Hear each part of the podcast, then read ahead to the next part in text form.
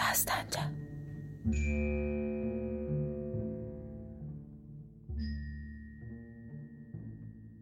Bir neçə ay bundan əvvəl çox idik.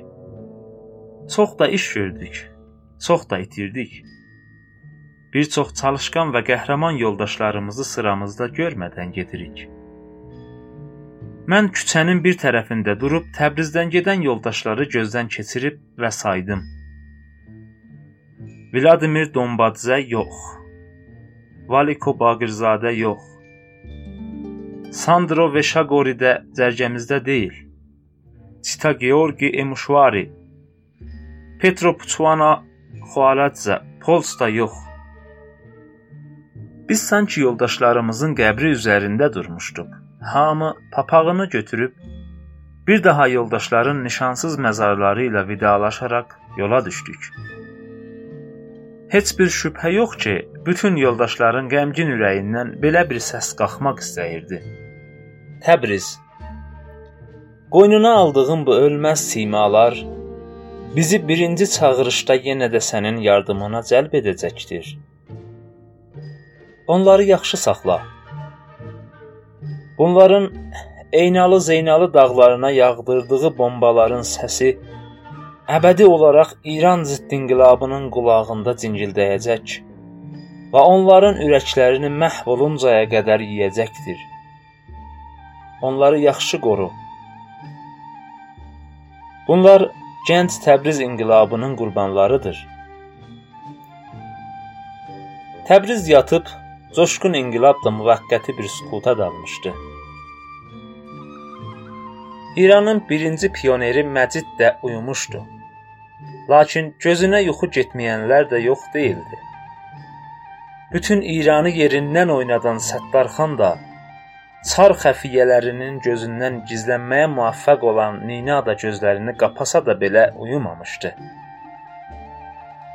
Son kərə dönüb Təbrizə baxdım. Şəhər görünməyirdi. Təbriz yenə də qara bir xulya kimi qaranlıq və müəmmalı dumanların qoynuna girmişdi. Qulağımız hura səsləri eşitdi. Bu səs Şahzadə bağına girən çar ordusu hissələrinin səsi idi. Dastanca. Ninaya məktub. Əziz yoldaşım, Nina. Bu gün biz Xoy şəhərinə yetişdik. Şəhərin dar küçələrindən bizi musiqi dəstələri müşayiət etdi. Şəhərin valisi də sosial demokratlarla bərabər bizi ziyafət bənasına yola saldı. Küçələr kütlələrlə dolmuşdu. Üzörtülü və açıq qadınların müxtəlif söhbətlərini eşidirdik. Qafqaz mücahidləridir. İçlərində müsəlmanlar da var. Səttarxanın yoldaşlarıdır. Bunların da evləri, bunların da ana-bacıları var. Ağızlarına güllə vursan qayıtmazlar. Heydər əmoğlu gələn yerlərdən gəlmişlər. Görəsən nə üçün gəliblər? buranın mücahidləri ilə tanış olmağa gəliblər. Gözəl Nina. İndi bizim olduğumuz bu şəhərdə çar nüfuzu yoxdur. Burada Təbrizin çar qazaqları əlinə keçməsini bilmirlər. Ziyafətdən sonra şəhəri gəzməyə çıxdıq.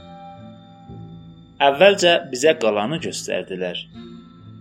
Qala palçıqdan qayrılmış cəsim bir qaladır hər tərəfdən su içərisindədir. Şəhərə körpü ilə keçilir.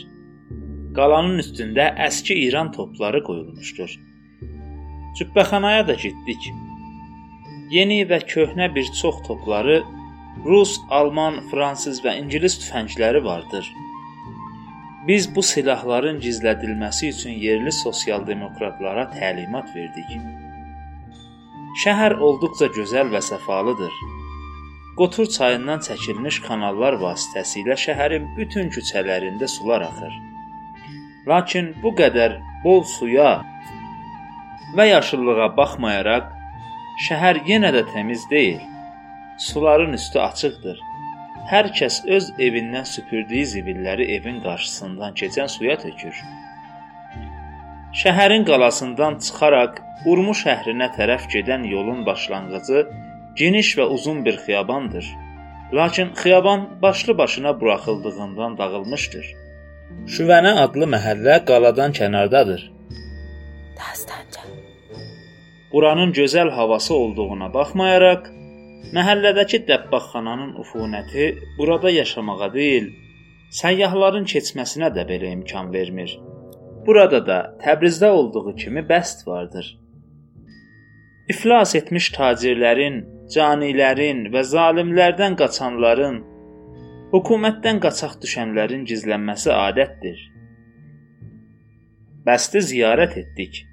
Oranın mollaları bizə hörmət edərək içəri buraxdılar.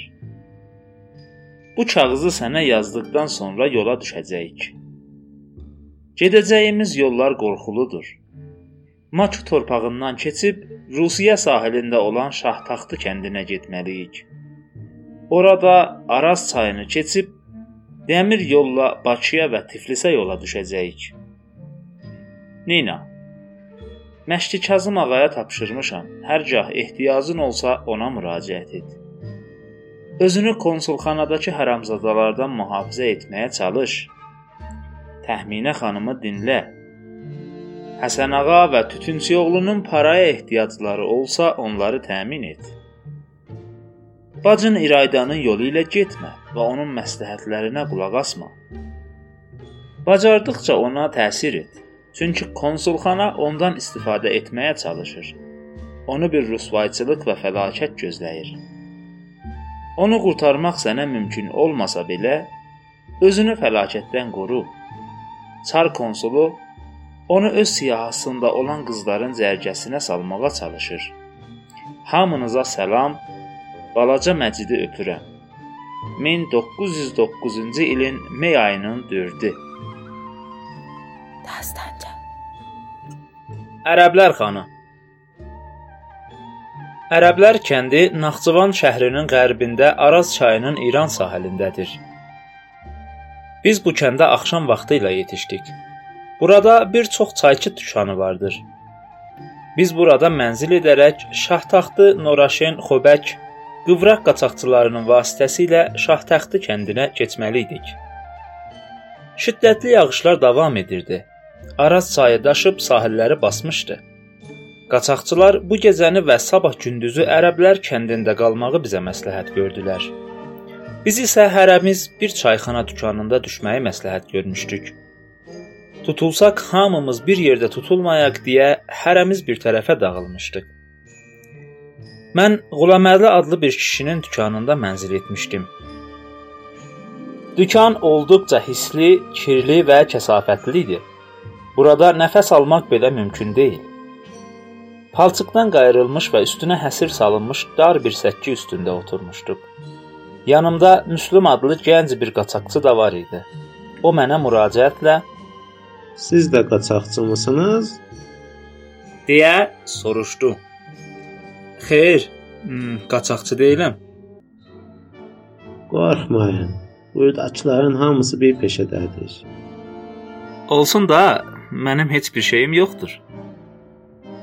Qəlbin sınmasın. Nigaran da qalma. Çünki mən səni ilk dəfədir görürəm. Ona görə də səni xəbərdar etmək istəyirəm.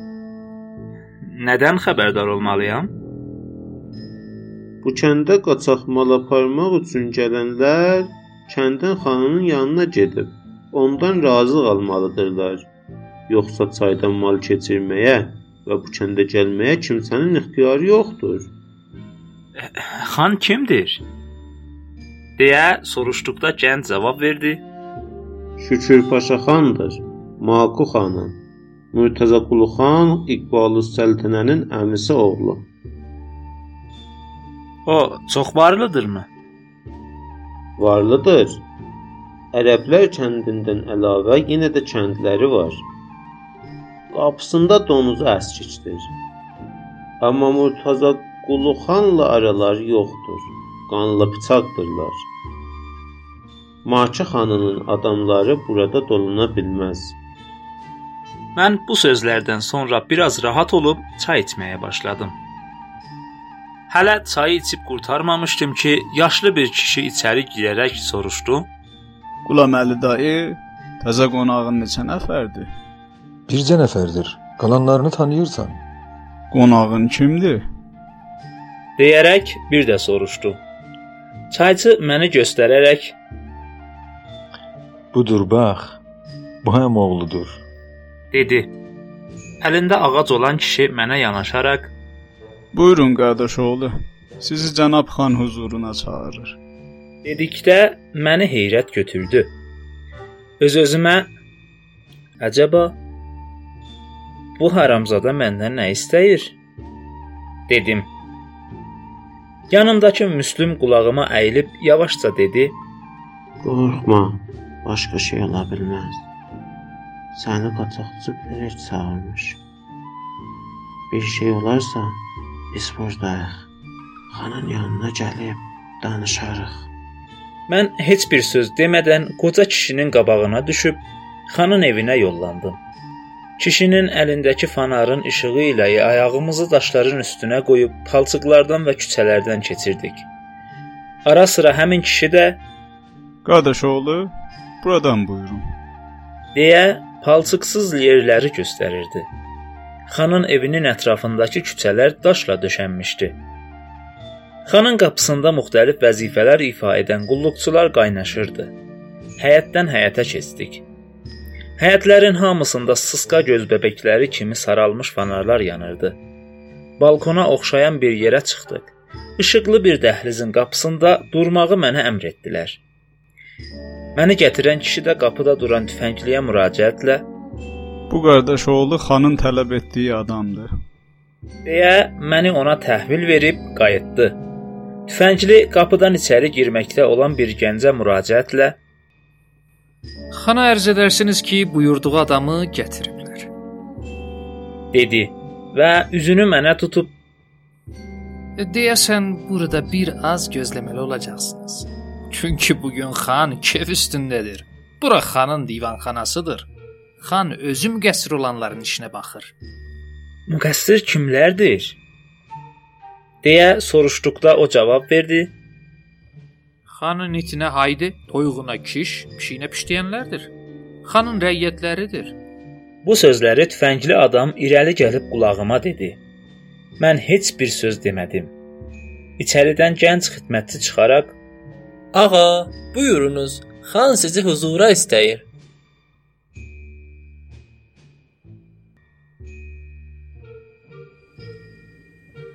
Kitabın adı Dumanlı Təbriz. Yazar Məhəmməd Səid Ordubadı. Hazırlayan Nurullah Purşərif. Bu bölümdə səsləndirdilər. Ravi Əhməd Qurbanı. Küçədə danışan qadınlar Mina Purheydər, Aysu Şərifi, Sənəm Purşükr. Yaşlı kişi Mehdi Şiri. Müslim adlı gənc qaçaqçı Səccad Müslimi. Qulaməli dayı Behnam Məhəmmədi. Tüfəngli gənc Kəmal Alqın. Gənc xidmətçi Əli Səlmanzadə. Düzənləyən Səccad Müslimi. Bizim axağa qatılmaqla işimizin ardını tutmaqda bizə dəstək olun. Axağımızın adresi Dastanca. D A S T A N C A